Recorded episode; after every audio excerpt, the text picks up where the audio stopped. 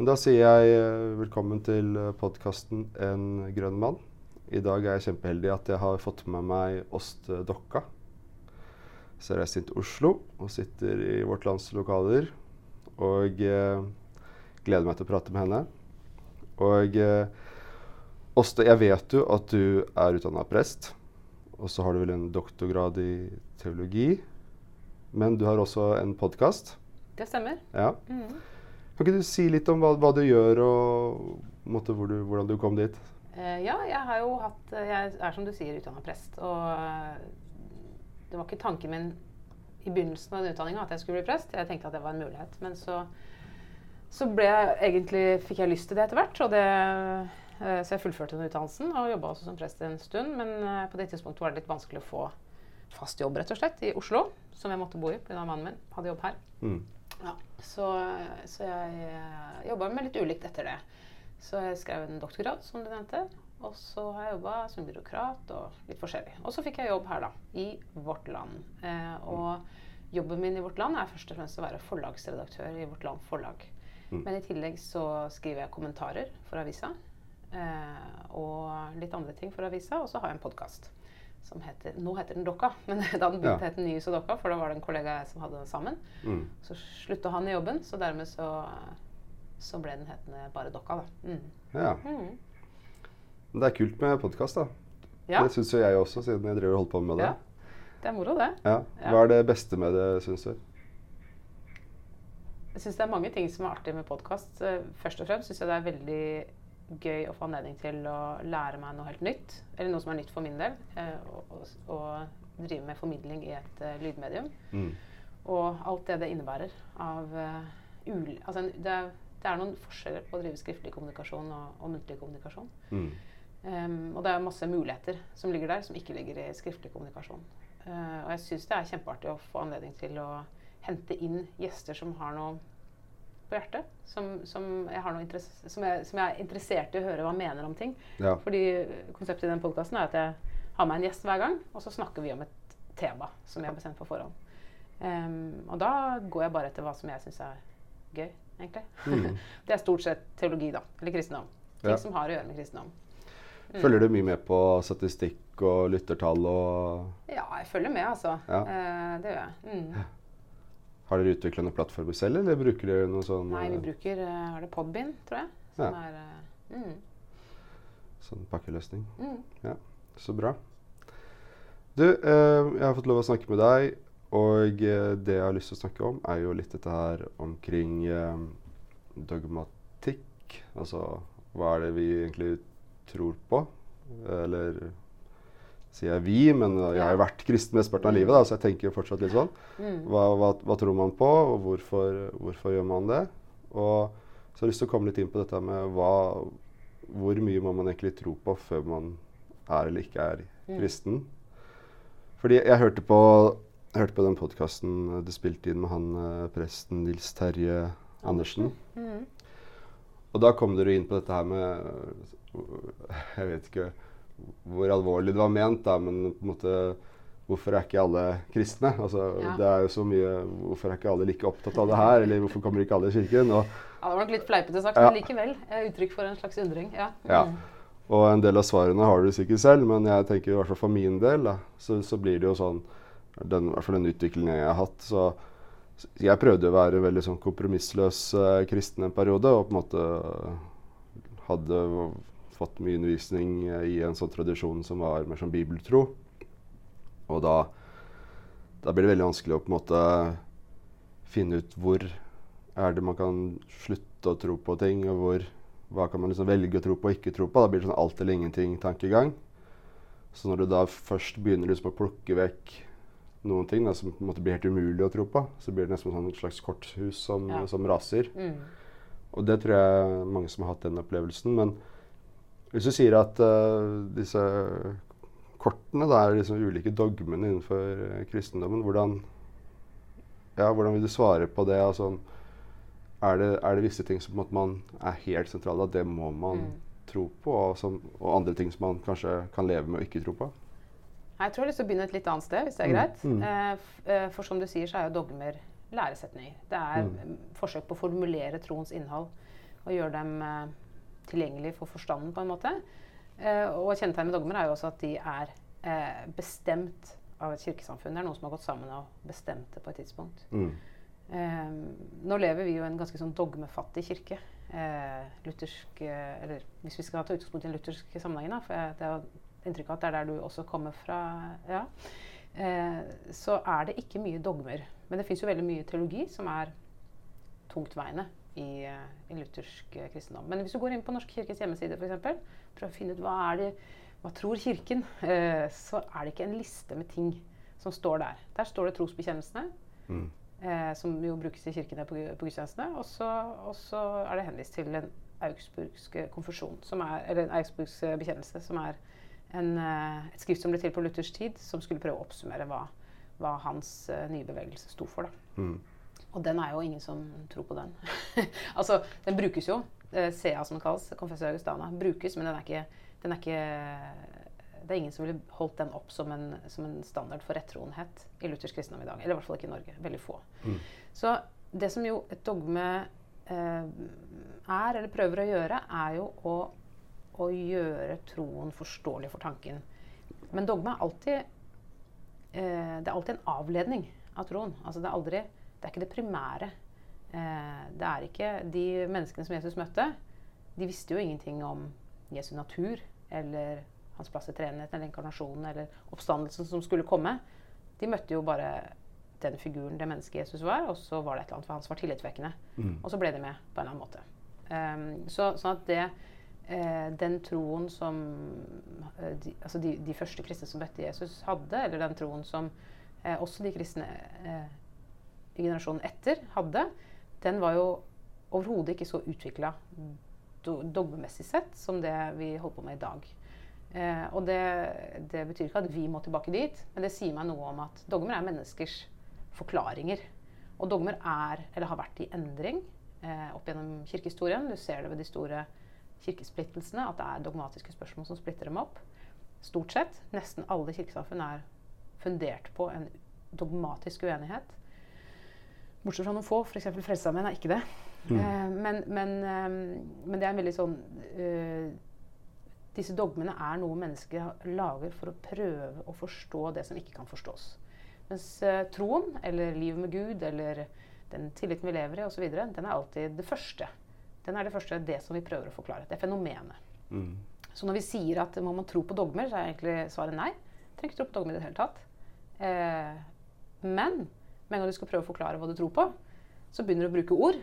Og da begynner du allerede å legge fast noen sånne setninger og noen sånne, tanke, noen sånne forestillinger. Mm. Eh, og det er eh, Jeg tenker at dogmer er veldig eh, bra. Det er et godt verktøy for kirkene. Fordi at eh, en kirke kan si vi tror på dette. Dette, dette og dette er viktig for oss. Mm.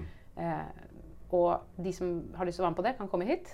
Eh, hvis du er uenig i det, så kan vi diskutere det. Ikke sant? At du, du gjør troen veldig transparent. Det er mulig å finne ut hva denne kirka står for. Det er ikke liksom New Age. Eller, det, det, det er ikke du kan tro på det, du kan tro på det, men det, det gjør dette trosfenomenet håndterbart for tanken. Og også gjør det mulig å diskutere og være uenig. Og det er det teologi, teologien er. Teologihistorien er. Det er jo en stadig, eh, stadig arbeid med annet med disse trossetningene. Og det som fins av Hvis man leser dogmatikk i dag, som er skrevet i dag eh, I USA kalles det ofte for constructive theology. For å synliggjøre at det man driver med, er jo å prøve å bygge en teologi hele Mm. veien. Ikke bare overta noe som har blitt uh, gitt dem, men stadig prøve å formulere på nytt hva denne troen er, i en ny tid med nye forutsetninger. En refortolkning, da. Mm. Ja, det høres jo spennende ut. Og så skjønner jeg at jeg kan eh, Det kjenner jeg altfor lite til. Mm. Skal gjerne visst mer om. Men uh, hvis du snakker om uh, trosbekjennelsen, den kjenner jeg jo. Ja. Ikke sant? Og den kjenner de fleste som har gått litt i kirken. Som vi bruker som oftest, heter en apostoliske trosbekjennelse. Og det er altså jeg tror på Gud Fader Eller jeg tror på Ikke jeg tror på Ja. Eh, jeg tror eh, på Gud Fader, himmelens og jorden skaper, osv. Ja. Ja. Og der, eh, der fremmes det jo på en måte noen, noen påstander, da, eller noen, Mm. noen setninger som eh, noen er greier å være med på enn andre. Mm. Ikke sant? Og så har du noen ting som begynner å Hvis, hvis man skal ha en mer sånn eh, tilnærming at man eh, forsøker å ha en sånn vitenskap, realistisk eh, tilnærming til hva man tror på og ikke tror på, Mm. så er det jo noen ting der som åpenbart er mirakler, eller eh, så, Ja, sånn så blir det sånn. sto opp fra de døde Ja, tredje dag. Tenker for du på det? Mm. ja. Og for opp til himmelen osv. Uh, og da Ta det med oppstandelsen, da. Mm. Eh, altså, kan man være kristen uten å tro på oppstandelsen? Ja, jeg tror at eh, hvis vi skal si noe om hva det konkret Eller hva er det å være kristen? Mm. Hva er det å være kristen? Ja. Så tenker jeg, hvis vi skal formulere det helt minimalt, så handler det om å forstå livet sitt i lys av fortellingen om Jesus. Det er liksom Det er det det betyr. Ja. Og så vil eh, kristne være veldig uenige om hva, hva det innebærer av påstander eller etikk eller osv. Mm. Eh, og jeg tror at det fins eh, utrolig mange ulike måter å forstå livet sitt i lys av Jesusforskjellingene på. Eh, det går an å tenke at oppstandelsen At hvis du hadde hatt et kamera i hagen da, eh, første påskedag og tok bilde, så ville du sett at graven var tom, eller du ville sett Jesus i hagen. Mm. Noen ville si det, ikke sant? Mens Mm. andre ville si eh, eh, andre ting om oppstandelsen. Og det har jo også teologer gjort opp gjennom tidene. Ja. Eh, At det kan være mer som en slags uh, symbol eller en metafor eller uh, ja, det er jo noen som eh, Det er jo noen som ville sagt det. Og så er det noen som sier at det er åpenbart at den første kirke trodde at Jesus var oppstått. mm. Det var deres tro. Vi kan ikke forstå det. Det er ikke noen måte å forstå det på. Det fins ingen kategorier i vår moderne måte å tenke på som gjør det mulig å tankemessig komme til rette med det. Og da Mm. sier man det er bare et mysterium. Det er, eller ikke bare et mysterium, men det er et mysterium. Det er noe vi ikke kan sette på formel. Det er ikke logisk. Det er ikke, følger ingen lover. Mm. Det er ekstraordinært. Eh, men, det, men det forteller oss noe. Det forteller oss at Gud seirer over døden. Mm. Det forteller oss at eh, det er et håp selv i mørket. Det forteller oss at livet er sterkere enn døden. Og de, og de tingene der har jo også paralleller i det vanlige liv. Det er dette poenget fra evangeliet om at eh, hvetekornet må falle i jorden og dø for at det skal komme nytt liv. Altså Vi kjenner til denne syklusen av død og liv. Mm. Det, den den fins jo i verden. Eh, men vi har, men eh, hvor, på hvilken måte Jesu døde oppstandelse eh, på en måte fysisk eh, skjedde, det er liksom Har ikke peiling. Vet ikke. Kan Nei. ikke si noe om det. Altså, i, Det er derfor vi på en måte sier at vi tror på det, istedenfor å si sånn det, det vet vi, det kan vi slå fast. Det skjedde da og da. Ja. Ja. Det er det jeg syns er vanskelig måte, i det stedet jeg er i livet nå. da, Å liksom, å egentlig tro på noen ting. Mm. Uh, for jeg vil gjerne tenke at det jeg tenker om ting, det er liksom mest mulig begrunna og rasjonelt. Mm. Uh, I min ungdom så var jeg, jo- forsøkte jeg å være som jeg sa, litt sånn kompromissløs eh, bibeltro en periode. Og da irriterte jeg meg jo alltid over de som måte skulle cherrypicke eller liksom velge noe å tro Mm. på og ikke tro på andre ting. Så da Mm. skulle du være kristen, så var det uansett sånn Da måtte du tro på så mye sprøtt, på en måte. Eller altså så, så vanvittige ting Ja. uansett. Så hvorfor Hvorfor ikke akseptere det òg, liksom? ja, hvorfor ikke ta hele pakka når, det er, når du skal Ja. som håpe på å bli reist opp fra Mm. det døde og, Mm. og leve evig? Er ikke det, bryter jo, det bryter jo på en måte uansett alle, Ja. Alle liksom naturvitenskapelige rammer. Så hvis du aksepterer det, hvorfor, ikke Mm. aksepterer du, hvorfor kan du ikke da akseptere alle miraklene i, Mm. i Bibelen? Men uh, ja.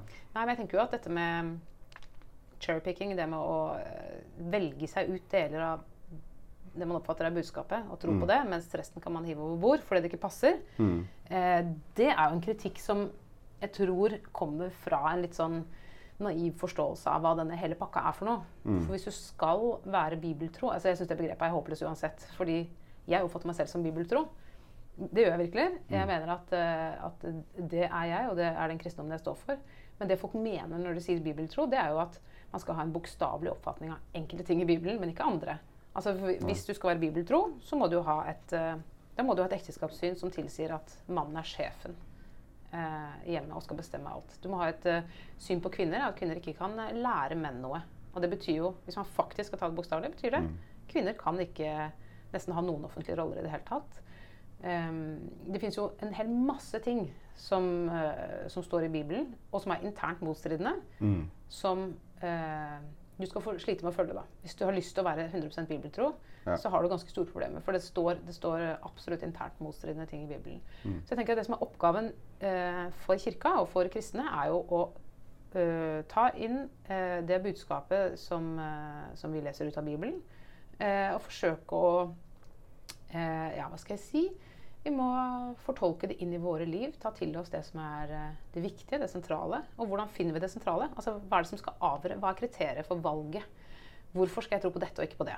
Eh, hvorfor skal jeg tro at uh, jeg syns det, at det er riktig at uh, her fins ikke slave eller fri, mann eller kvinne, jøde eller greker? Det syns jeg er viktigere enn at slaven skal være un- underordnet sin herre, som det også står. Mm.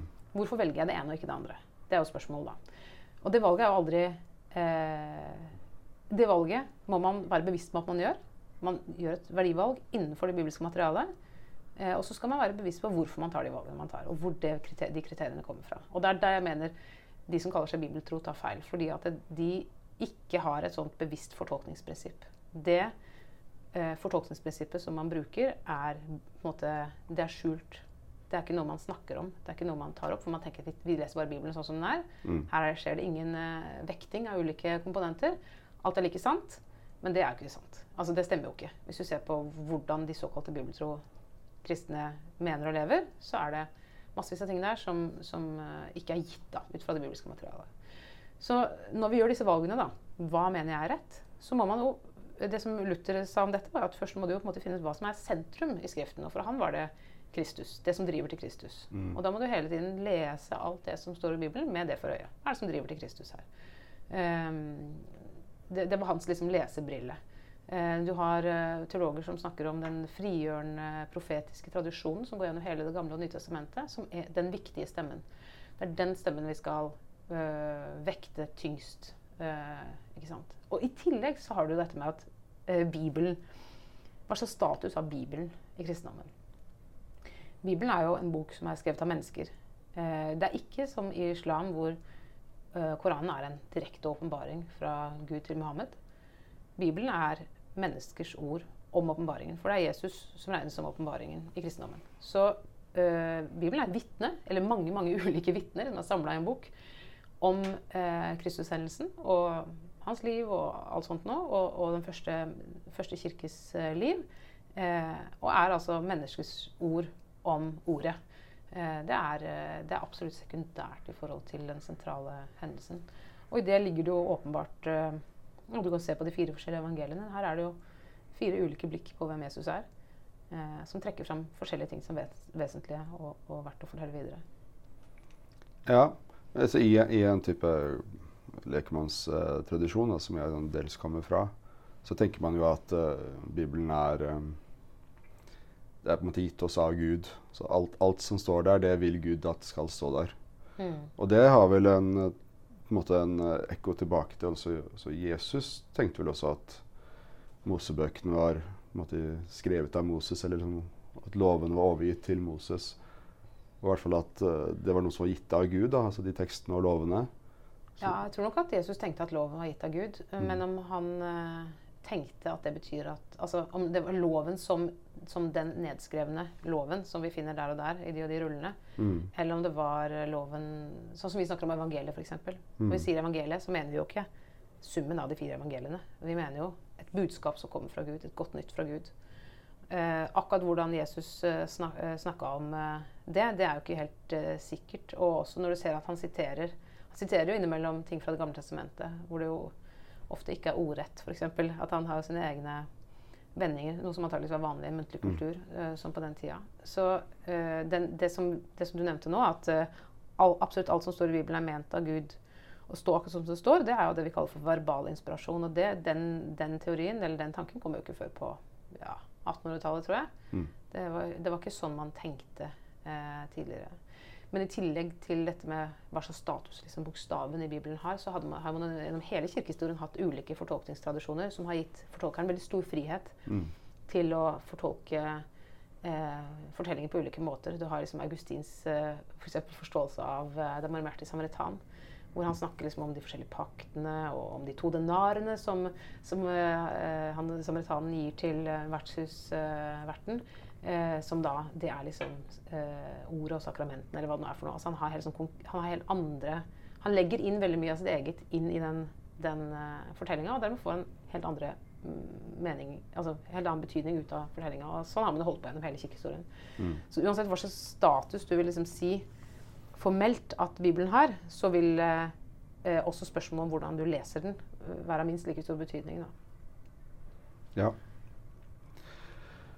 Eh, jeg leste at det er en kar som heter Asle Eikrem, som uh, teologutdannet på MF, tror jeg, eller han er der, Mm. som, eh, som stiller spørsmålstegn ved dette med eh, altså at- Jesus sonet på korset. At liksom den døden, hans død, var på en måte nødvendig for forsoningen. Mm. Eh, for det vil han tenke at det er det samme som å si at vold er nødvendig for at uh, Guds frelsesplan skulle lykkes. Mm. Er det um, Altså Det er jo et sånt, et sånt sted hvor jeg tenker at, at Er det et eksempel på, på det man kaller liberal teologi, kanskje? Uh, ja, altså Jeg kan bare si noe først om den forsoningslæren. Hvis Mm. du, eh, hvis du leser Det nye testamentet og de fortellingene som fins der om Jesu død og oppstandelse, så ser du at det er De bruker veldig mange forskjellige typer bilder for å forstå hva som skjedde, og hvorfor det måtte hvorfor det skjedde. Mm. Altså det finnes, det er, I spill så er det veldig mange ulike metaforer og regnestykker både hos Paulus og evangelistene på hva er det som skjedde her. Hva, eh, hva slags hendelse var dette? Hvordan skal vi forstå det? Og, så videre. og eh, en for, eh, svensk forsker som het eh, Gustav Aulén, han fant jo fram til på begynnelsen av 1900-tallet at det som eh, den, den, Det som på en måte har blitt forstått som de to alternativene til forsoningsteologi, altså enten den subjektive forsoningslære eller en objektiv forsoningslære, som du nevnte nå, Mm. det er jo eh, definitivt etterpåklokskap. Hvis man går tilbake til den absolutt tidlige kirke, så ser man noe som Aulén selv kalte den klassiske forsoningslære. Og den klassiske forsoningslære mente han handla om eh, det som skjer på korset, er Jesus seier over eh, død, synd og djevel. Mm. Um, men når man snakker om disse tre man kan, altså kan man si sånn Ja, jeg står for en objektiv forsoningslære, jeg står for en subjektiv forsoningslære, klassisk forsoningslære, frigjøringsteologisk, hva som helst. Eh, det som jo er poenget her, er jo noe av det samme som jeg sa i stad. At det primære er jo fortellinga. På en eller annen måte så dør Guds sønn på korset, og på en eller annen måte så st- står Jesus opp igjen, så er graven tom. Det er det som er basic. Det er det, som, det, er det vi sier i trosbekjennelsen. Men hvordan skal man forstå det? Mm. Hva er poenget med det? Ja, det er jo etterpåklokskap. Det er jo teologi som er etterpåklokskap. Det er dogmene. Det er, det er en måte å prøve å lage logikk ut av, ut av uh, hendelsene på. Ja. Uh, ut, uh, og og den, det som du nevnte, den objektive forsoningslære, ble jo klarest formulert av en teolog som heter Anselm og Canterbury på ja, var det 1100-tallet, noe sånt noe. Mm. Hvor han setter opp et slags regnestykke. Ikke sant? Eh, Jesus eh, altså Menneske og Gud har noe uoppgjort. Den eneste som kan gjøre opp for det, er mennesket. Men mennesket kan ikke gjøre opp for det, for det får ikke mennesket til. Så Gud kan gjøre opp for det. Og den eneste som, derfor måtte Jesus, eller Gud bli menneske i Jesus, for det er Jesus for både menneske og Gud. Mm. Og, og så han en helt sånn juridisk forståelse av den soning som skjer på korset, som på en måte, skal, som på en måte blidgjør Gud for han tar straffen for menneskene. Ja. Mens den forståelsen, den er jo én av flere forståelser. Så Mm. det Asle Eikrem peker på, er jo i og for seg en, ikke en nyhet, da, eh, sånn sett, men det kan likevel være verdt å gjenta. At den objektive forsoningslære, den, den står ikke i Bibelen, liksom. Den er ikke, og den er ikke gitt i og med hendelsene. Det er en måte, en av flere måter som, eh, eh, som Bibelen også snakker om den hendelsen på. Mm. Om korshendelsen på. Eh, men om det er liberal teologi eller ikke, det er jo ja, liberal teologi er et stort og vanskelig begrep. Men eh, jeg vil ikke si at det er noe liberalt, nei, Og, og, å opponere mot den objektive forsoningslære. Det er jo, jo altså, veldig veldig tidlige teologer har, satt, har hatt andre fortolkningsmodeller for hva, hva det var for noe. Ja, det gir vel gjenklang i kunsthistorien også. Mm. Hvis du ser på tidlige krusifikser og sånne ting, så var det ofte en sånn seirende, Ja. seirende Jesus. Og Mhm. så tok det vel en god sønn for han på en måte ble en sånn mager og lidende eh, Mhm. figur. Mm. Så det var kanskje litt sånn paralleller med hvordan man tenket, tenkte om forsoningslæren også. Absolutt. Det er jo helt, helt sikkert altså, Alle sånne ideer får jo materielle utslag også, og blir nedfelt i, ja, i kulturen vår på ulike måter. Mm. Mm. Ja, fordi det er jo det, er det som jeg tenker at uh, Når man vokser opp, i hvert fall den uh, forkynnelsen jeg har vært utsatt for i sånn som jeg har vært en del i Lekemannsmisjonen mm. uh, i Vestfold og Misjonssambandet. Og, og, og, den forkynnelsen som man får da, er jo at uh, først må man skjønne hvor, hvor gærent det er med en. Man skjønner mm. hvor stor synder en er. En er og, og liksom gå gjennom disse listene med synder og skjønne at ja, selv om man er et barn eller ungdom, så jo da, så er man er man en synder, og man er liksom håpløs og kan ingenting og mm. ja, fortjener å dø for de mm. syndene. Mm. Og så må man da på en måte Yes, helt heldigvis så døde Jesus på korset for at uh, ikke jeg skulle straffes for mine synder. Mm. Og jeg kjenner at sånn som i dag når jeg er forelder og har fire barn, at det, det byr meg imot å på en måte å utsette mine barn for en sånn type forkynnelse. da. Mm Og er det som skal fortelle altså de, de, er jo sånn sju jenter som er i 20-årsalderen. Hun tar jo ting så innmari innover seg. sant? Mm. All mulig kritikk. Eller hun er jo kjempeflink på skolen, og sånn, men så hadde hun noen, sånne, noen ting som hun liksom fikk noen bemerkninger på. Og da er det det hun henger seg opp i. sant? At det var et eller annet som hun kunne gjort bedre. Altså Hvis du skulle liksom fortalt henne at nei, du er syndig, og du fortjener å dø, og mm. jeg er så glad hun slipper det. Mm. Uh, og um, så, så, det er på en måte Du skal ikke sitte og forsvare mm. bedehusforkynnelsen. Men uh, hva, hva, tenker du om måte, den type forkynnelse? Jeg tenker at det er så destruktivt mm. uh, å snakke sånn. Og absolutt til barn og unge som ikke har forutsetning for å skille Altså, det mye av den, den talen om synd er jo født ut av helt andre livssituasjoner enn som, de som barn befinner seg i. Mm. Eh, og helt andre typer menneskelige erfaringer. Mm. Eh, så jeg tenker jo at eh, det er Jeg blir trist å høre det. Og jeg syns det er så utrolig unødvendig. Og mm. jeg tror det er destruktivt for kristendommen også å snakke på den måten. Um, men jeg tror likevel, når det er sagt, eh, så har jeg fått veldig mye ut av eh, å forstå mennesket som syndig. Men det, jeg tror jeg mener det på en litt annen måte enn det du sier nå. Mm. Fordi jeg må si, jeg kjenner ikke verken Misjonssambandet eller andre misjonsorganisasjoner fra innsida. Jeg vet ikke Nei. hvordan det snakkes om det, så jeg skal ikke si noe konkret om dem. Det får bare være din, din fortelling og, og dine mm. ord. Mm. Men, men, sånn som jeg oppfatter eh, den forståelsen av hva et menneske er, og hvem Gud er overfor mennesket, eh, så tenker jeg jo at eh, den herre synden, da som vi alle på en eller annen måte har del i, det er jo at vi alltid eh, At livet vårt alltid er preget av noe som ikke er eh, tilfredsstillende. At det alltid er et gap et eller annet sted mellom ideal og virkelighet. At det alltid er noe herk. At det aldri er sånn at vi har det tipp topp. At det alltid er At tilværelsen er brusten. Da. At det er mm. sprekker i tingene. At, det er, eh, at vi får ikke til relasjonene oss imellom. Vi får ikke til å leve fullt og helt sånn som vi ønsker å gjøre. Eh, at verdensordenen er helt på styr. At eh, mennesker sulter. Altså alt det som er problematisk, både i det lille livet og i det, den store verden, mm. det har eh, en uh, dypereliggende årsak. Og det er noe som hefter ved det å være menneske. At vi rett og slett er ufullkomne på en eller annen måte. Det er et eller annet ved oss som gjør at vi ikke får til, og ikke kunne fått til om vi hadde skjerpa oss heller, eh, å eh, på en måte være idealet vårt. Eh, og Noen ganger er jo idealene helt skakkjørte, så det trenger jo ikke nødvendigvis si oss veldig mye. Altså, det er ikke det at vi alle skal være så vakre eller fullkomne, uh, ha fullkomne hjem eller et eller annet sånt noe. Uh, men, men, dette, det menneskelige, det dypt menneskelige, det som Gud ønska seg, eller som, som, Gud skapte i utgangspunktet, som var såre vel, som var sånn som det skulle være, hvor alt funka og alle delene gikk opp i hverandre, uh, det er et eller annet som ikke er sånn. Det er noe i verden som lugger hele veien. Er... Og den erfaringen der, den syns jeg det gir mening å kalle for synd. da. Ja. Mm. Delvis vår skyld, og delvis ikke vår skyld. Ja, Men er det ikke litt av problemet at vi har en sånn tanke om at det, at det er mulig å, å, oppnå noe perfekt? da? Altså den der uh, paradiset i mm. hagen, at liksom mm. forestillingen om det mm. er altså, det er litt av problemet i seg selv? Ja, ja jo, altså jeg tror jo at uh, sånne utopistiske forståelser av virkeligheten, hvor du tenker at hvis vi alle nå bare gjør sånn og sånn, eller hvis staten bare bestemmer det eller det, eller hvis eh, eh folk bare hadde bøyd seg under dette, så hadde alt blitt veldig bra. Mm. Altså, historien viser jo at det er ikke tilfellet. Du kan ikke eh, altså det, er, det, blir totalitært, da. Ja. Det, det, det, går ikke an å, å, ha et sånn type liv. Mm. Og også hvis man overfor seg selv har et eller annet ideal om hvordan man skal være, som man faktisk er ganske disiplinert til å tvinge seg inn i, så er ikke det nødvendigvis oppskriften på et sunt liv. Eh, det, det, tror jeg overhodet ikke. Jeg tror vi kan kjøre oss ganske hardt ut på, i feil retning ved å tenke på den måten. Mm. Men når det er sagt, så tror jeg jo alle at vi jeg tror at vi alle lengter etter det hele, da. Mm. Jeg tror den som er syk, ønsker å være frisk.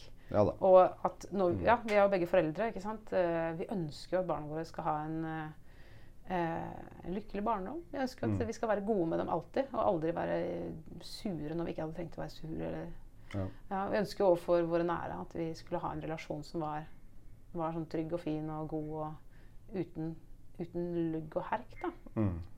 Og det ønsket tenker jeg jo, det er jo også noe positivt. Det er jo noe som driver oss til å hele tida prøve å, å, skjerpe oss i en del uh, situasjoner. Og til å reflektere over hvilken rolle vi selv har i ting.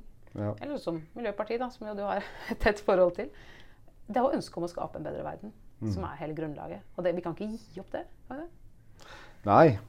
Nei da, men jeg tenker liksom at Ja.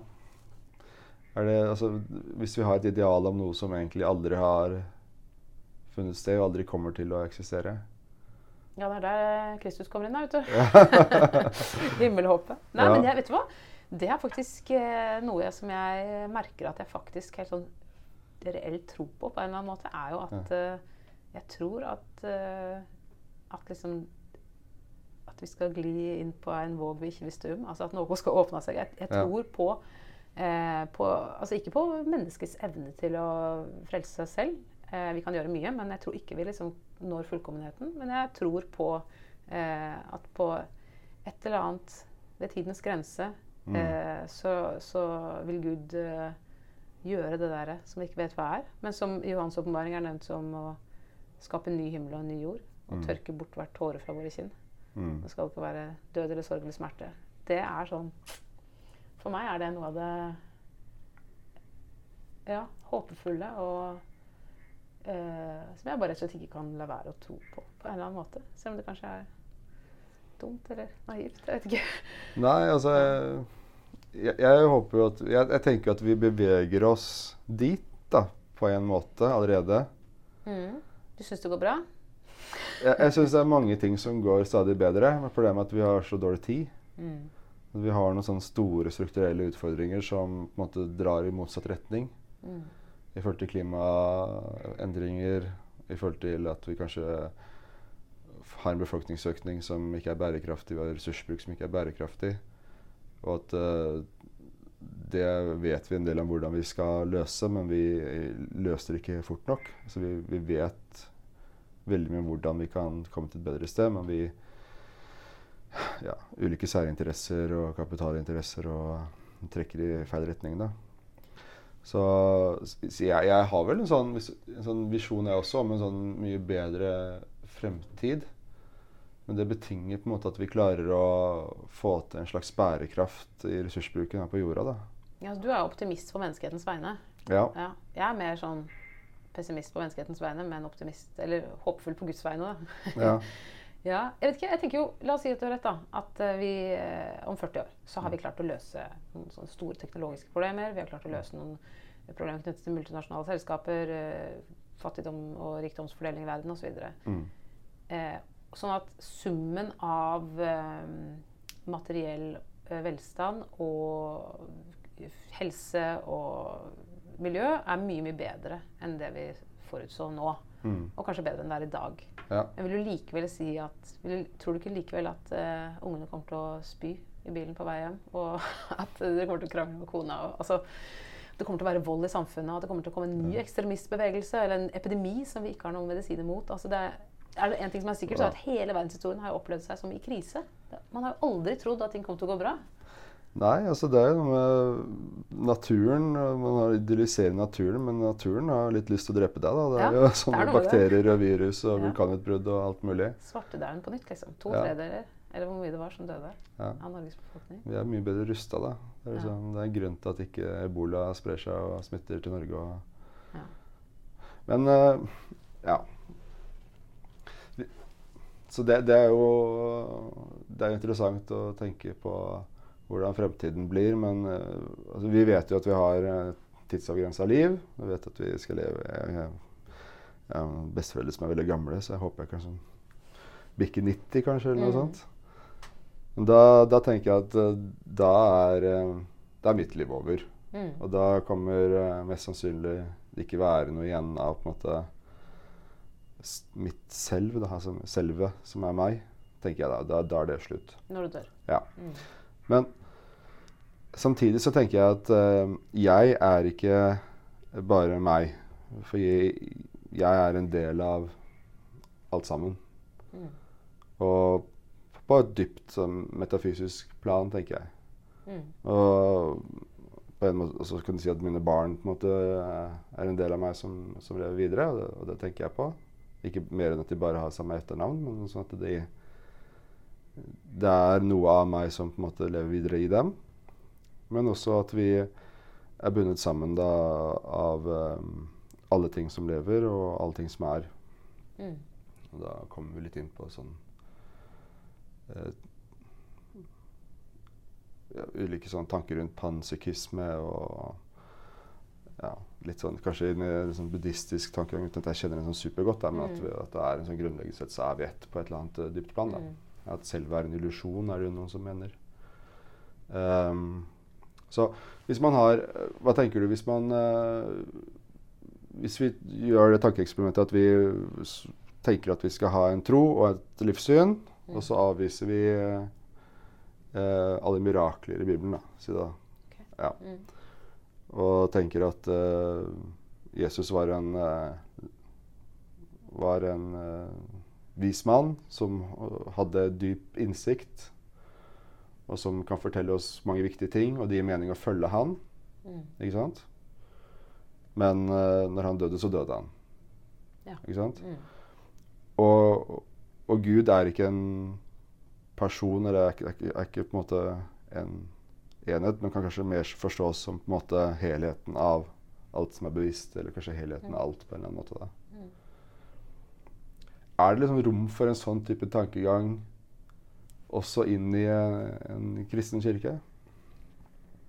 Jeg tenker at, uh, at alle sånne uh, forsøk på å tenke seg om, prøve mm. å forstå, uh, forstå hvem Jesus var, hva Gud er for noe, hvem mennesket er, det mm. har en plass. da. Mm. Eh, og kanskje ikke du kommer med i trosbekjennelsen, men, men et, hvis, du, hvis, du, går til hva, hva teologer har skrevet om, eh, mm. så vil du finne igjen veldig mange av de tingene du sier nå.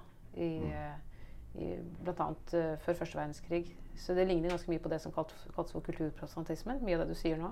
Med mm. Jesus som en slags profet og, og moralværer. Mm. Eh, men hvor på en måte miraklene eller oppstandelsen eller hva som helst, det er uten betydning. Det er mm. man, det er ikke noe de forholder seg til. Det var et helt sånn historisk kritisk syn på hvem Jesus var. Mm.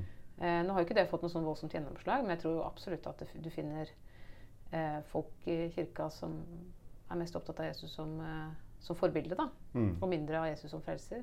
Ja. Eh, det, det, gjør du. Men jeg, jeg tenker jo, det er, en, det er, en, viss forskjell på hva som kan finnes i kirka, og, som, og har sin legitime plass som en del av mangfoldet som finnes i kirka, og hva som er, er kirkas uh, måte, offisielle lære eller standpunkt. Mm. Jeg tror ikke du ville møte en prest som ville si du kan ikke være med her hvis du syns det du sier nå. Det tror jeg håper jeg intenst at ingen uh, ville, ville hatt en sånn bekjennelsesplikt i døra på at du må mene akkurat det samme som oss til enhver tid. Um, og jeg tror alle som Jeg hadde sikkert fått kommet inn, men spørsmålet er om jeg hadde fått søndagsskoleundervisning. Liksom.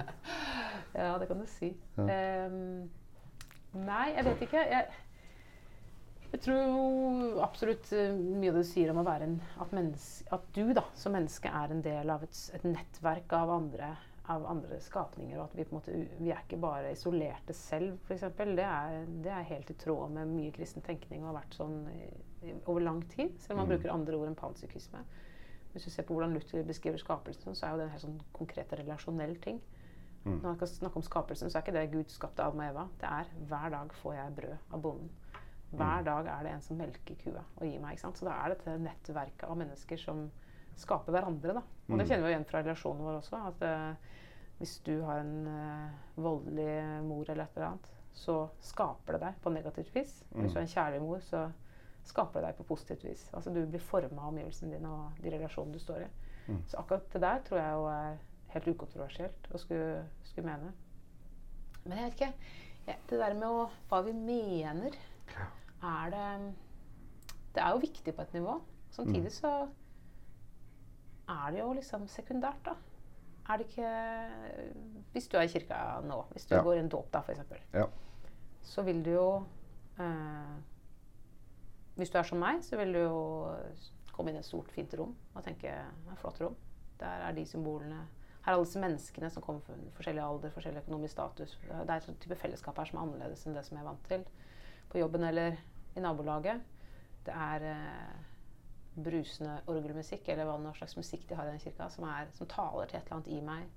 Det er eh, rom for eh, tanke eller bønn eller meditasjon, eller hva du selv ønsker å legge i det. Altså jeg tenker at det, det der med å, å kunne delta i det, det er jo det primære. Mens hva tenker jeg om det nå? Og det å hele tida skulle gå rundt og ha en sånn veldig streng eh, sjekkliste på seg selv på Mm. hva tror jeg på nå, det er ganske slitsomt, da. Og så må Mm. du sitte og forklare og finne på et nytt system som er bedre enn det forrige systemet. Og så, ja. Jeg tenker jo av og til at det er litt deilig at liksom, det er noen sånne ord som vi sier sammen som er litt sånn ja, Jeg vet ikke helt hva jeg tenker om jomfrufødsel, men jeg sier nå dette i trosbekjennelsen fordi det er det kirka har sagt gjennom Det er det som har vært kirkas tro, liksom. Og jeg anser meg som en del av kirka og kan eh, måtte bli båret til det uten at jeg trenger å krysse av på den lista ja. eh, til enhver tid. Altså, jeg har aldri følt meg uvelkommen i kirka. Eh, og det er litt med hvordan måte, hele konseptet fungerer. Da. Det er jo Mm. ikke noen som sjekker deg i døra.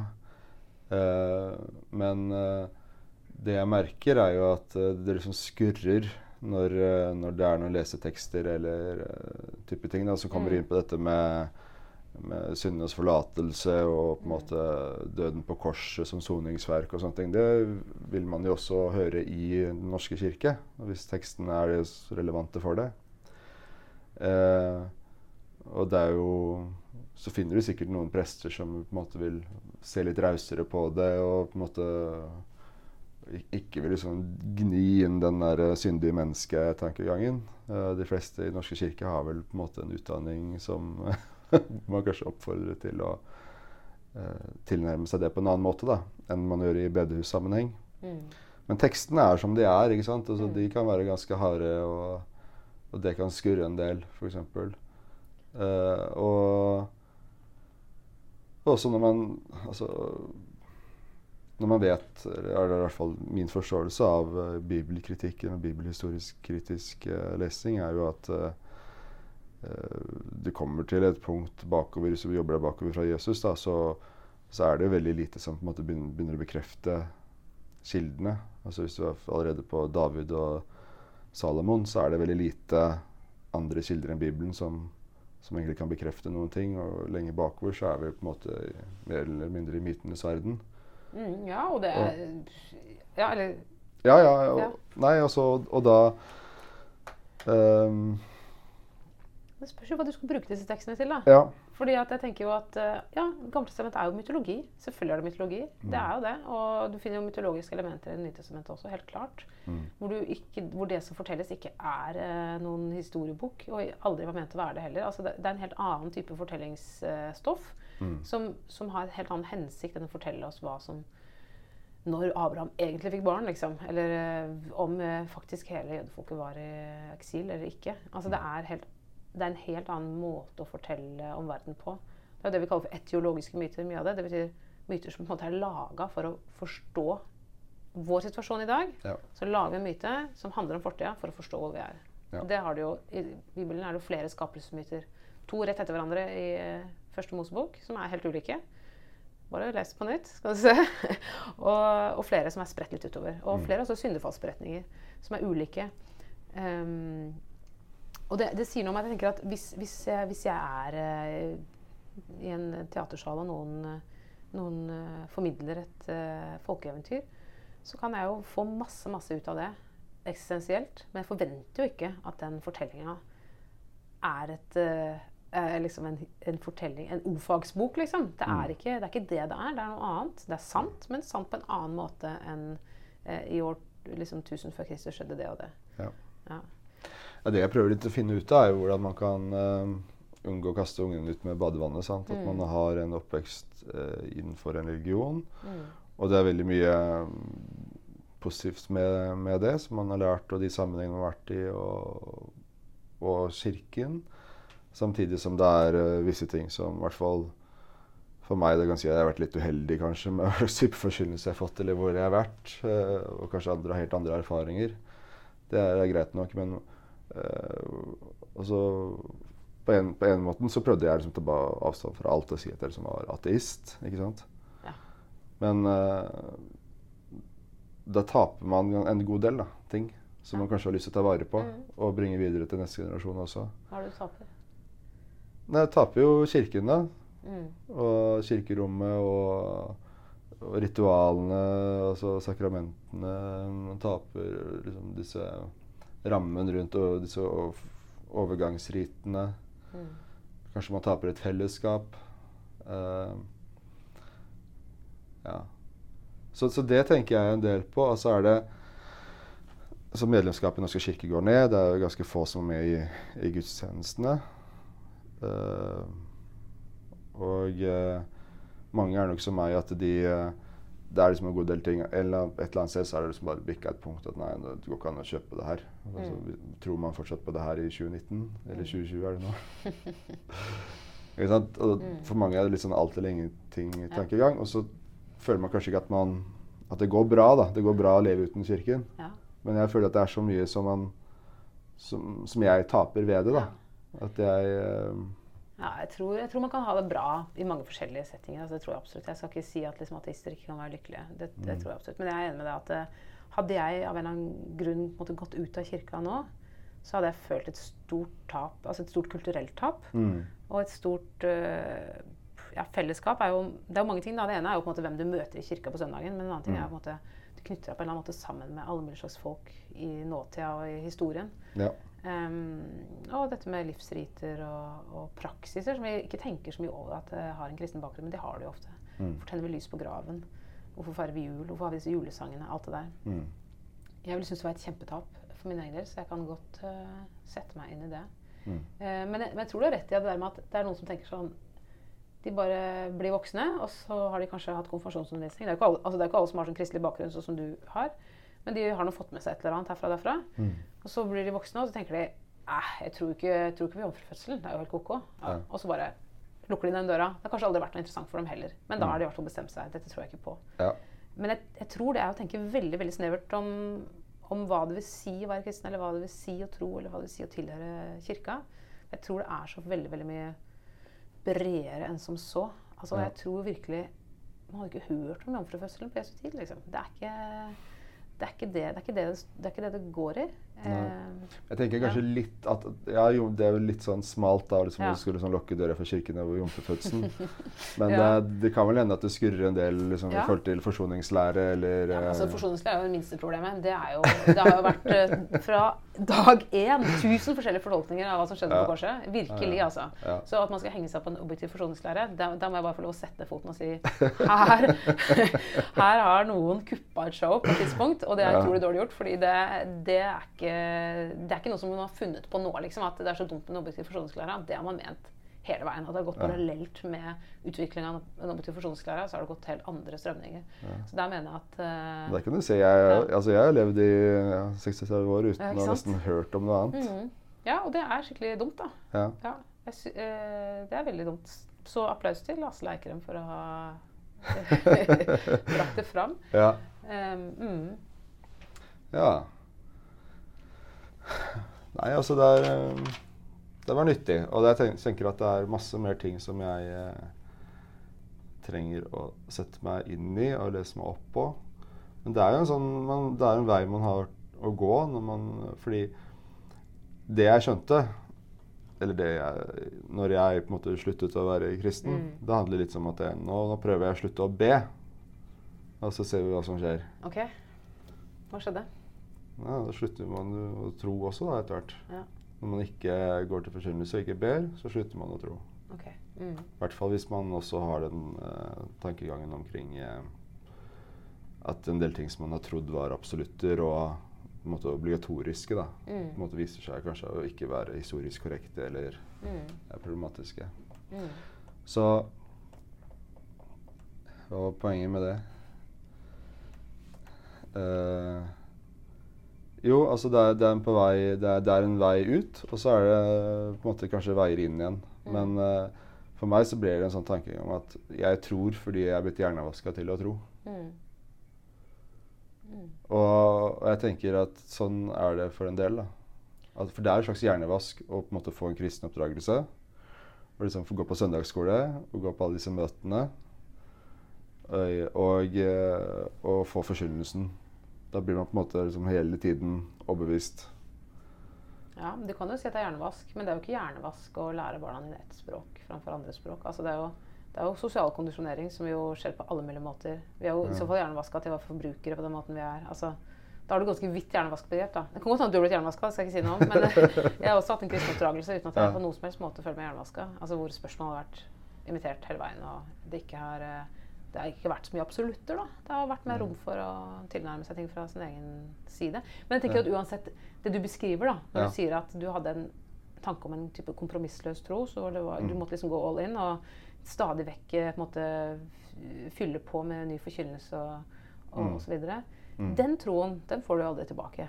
Altså, Den er jo borte for deg. Det tror Ja, jeg jo. Altså, Ja. det, den, den måten å tro på, det, det, var ikke, det, er ikke din, det er ikke din vei. ikke sant? Men Mm. det kan jo hende at det som dukker opp når den er borte, eh, at den veien du går som voksen nå, kan bringe deg til et nytt sted. Eh, som det er kanskje Mm. vanskelig å sette ord på hva er for noe. Men du har jo altså det der med å tenke, Du nevnte i stad at du ville ønske å ha en mest mulig rasjonell, eh, vitenskapsbasert måte å tenke på Mm. om livet. Mm. Så er jo det Jeg tror de fleste av oss vil ha en rasjonell, vitenskapsbasert måte å tenke om livet på, fordi vi ønsker medisin som virker. Mm. Vi, vi tror også på tyngdekraften. Altså vi, vi, vi stoler jo på teknologi og vitenskap hele tida, og sånn Ja. lever alle. Ja. Eh, men det er jo i spørsmålet om verdivalg, f.eks. Ja. At, eh, at eh, vi må begynne å ta valg. Um, og vi plutselig merker at her er det noen ting som vitenskapen ikke gir svar på.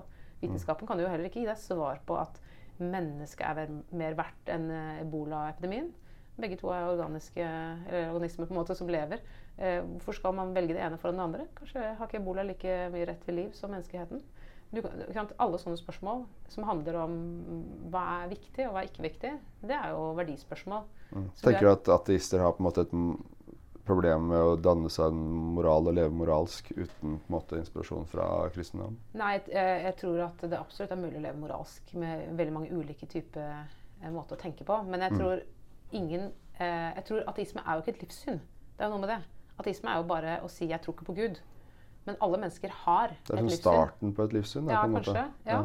Eh, og jeg tenker at uansett hva, om du er på en måte tror Om du er teist eller ikke teist, Mm. så eh, har du et livssyn. Og noen vet at de har et livssyn, og andre vet ikke at de har et livssyn. Mm. Eh, jeg kjenner, eller ble kjent med en eh, buddhist som sa jeg, eh, jeg henter inspirasjon i absolutt alt jeg erfarer og leser. Han Mm. leste Bibelen, han leste buddhistiske skrifter, han leste skjønnlitteratur. Han går rundt og opplever verden, og alt kan fortelle han noe Mm. eh, inni hans livssyn. Mm. Eh, og det tenker jeg jo antageligvis er det vi alle gjør, til en viss grad. Vi hører det på radioen og leser Mm. en bok og syr sammen noen sånne virkelighetsbilder. da. Men burde ikke også prestene på uh, søndagsgudstjenesten gjøre det? da? Så i større grad kanskje ha et videre tilfang av eh, ting man eh, preker ut ifra? Om jeg tror at alle, eller ja, jeg skal ikke si alle, men prester generelt preker jo ut fra en menneskelig erfaring av å leve i Norge i 2020. Mm. Preker med utgangspunkt i alle de menneskemøtene de har i løpet av en uke. Ikke sant? De begraver folk og har dåpsomtaler. og Det er veldig mye snakking med folk. da. Så Ja. det, det er en typisk livskunnskap som ligger under. De følger jo med som alle andre mennesker gjør avisene og hva som skjer rundt oss. Får en følelse av krise eller ikke krise. Mm. Uh, ikke sant? Alt det der. Så jeg tror jo og, ikke sant? og prester har jo også eh, gått på skolen og lært om, uh, lært om fysikk og om alt mulig. Så det, det er ingen, og skjønnlitteratur. Så det, jeg tror at eh, Ja, det skjønner jeg jo. Men, måte, jo ja. Men du mener at uh, man skulle brukt andre typer tekster? ja, for eksempel, Man har sånn låst seg veldig, da, tenker jeg. Altså, Ja. det, er, det er tekster som har låst seg til kristendommen, dessverre. ja, jo, jo, men altså for all del jeg, Det er jo fantastisk når man kommer i kirka, og det er Ja, men tenk på de som satsa sammen Bibelen. Ja. Altså, vet ikke, Første gangen de lagde liksom Nyttestamentet som sånn Mm. kanon. Da var det jo da var det jo veldig mye da, da, da var det det som de Var det masse forskjellige brev og evangelier og mye forskjellig. De tok Mm. inn på en måte veldig mye forskjellig. Ikke alt hang like godt sammen, noe var litt rart og sånne ting, men de tok inn veldig mye. mm. Mens i, nå så har vi på en måte ikke tatt inn noe mer, da. Vi har liksom Nei, ikke fornya det. Jo, altså vi har jo sementert kanonbegrepet veldig. Det er de skriftene som de bestemte da, Ja, og ikke noe mer. nei. Men du har jo også disse trosbekjennelsene og den augsburgske konfesjonen, da, som man, eller augsburgske trosbekjennelse som man eh, tok inn på, på 1500-1600-tallet. Mm. Eh, og, og, og jeg tror jo på en måte at selv om liksom, de der rammene for kanoen er lagt, og ikke hadde trengt å være lagt, Mm. så er det hele tida bevegelse i hva som vektlegges Mm. i, innenfor den kanoen. Eh, I tillegg så vil jo altså alle liturgiske tekster de blir jo vedtatt på kirkemøtet. Alle dikt som leses fra lesepulter og prekestoler, som gjør ganske mye. Alle salmer, som kan være gamle eller nye. Er? De er jo hele tida Ja. bevegelse. Så det er jo mange andre tekster i spill, og mange andre erfaringer i spill, enn kun det eh, spesifikt eh, kristne fra 100-tallet, liksom. Ja. Men det er klart, når du kommer til kirka, så vil du ikke ha du vil ikke ha allmenn livsvisdom. Det kan du få hvor som helst. Det kan du jo lese i en avis. Og det er bra. Men du vil jo ha det som du faktisk ikke kan få noen andre steder. ja, kanskje det. Tenker jeg da. Ja. Mm. Vet du hva, det her var utrolig interessant. Eh, Jeg lærte en del. Og jeg tror jeg ser hva jeg må lære mer om.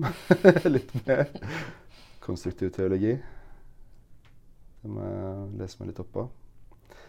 Eh, tusen takk skal du ha, Åste. Og eh, kan du plugge podkasten din også, som heter Dokka. Som man finner på iTunes, f.eks., eller Mm. der man ellers finner eh, podkaster. Den er veldig interessant, særlig hvis man er interessert i eh, litt teologi og hører litt hvordan ting som rører seg i kirka og sånne ting. Anbefaler den. Er det noe annet du vil eh, plugge når du først har muligheten? Nei, bare si tusen takk for at jeg fikk komme. Det var fint. Bra samtale. Ja, tusen takk skal du ha.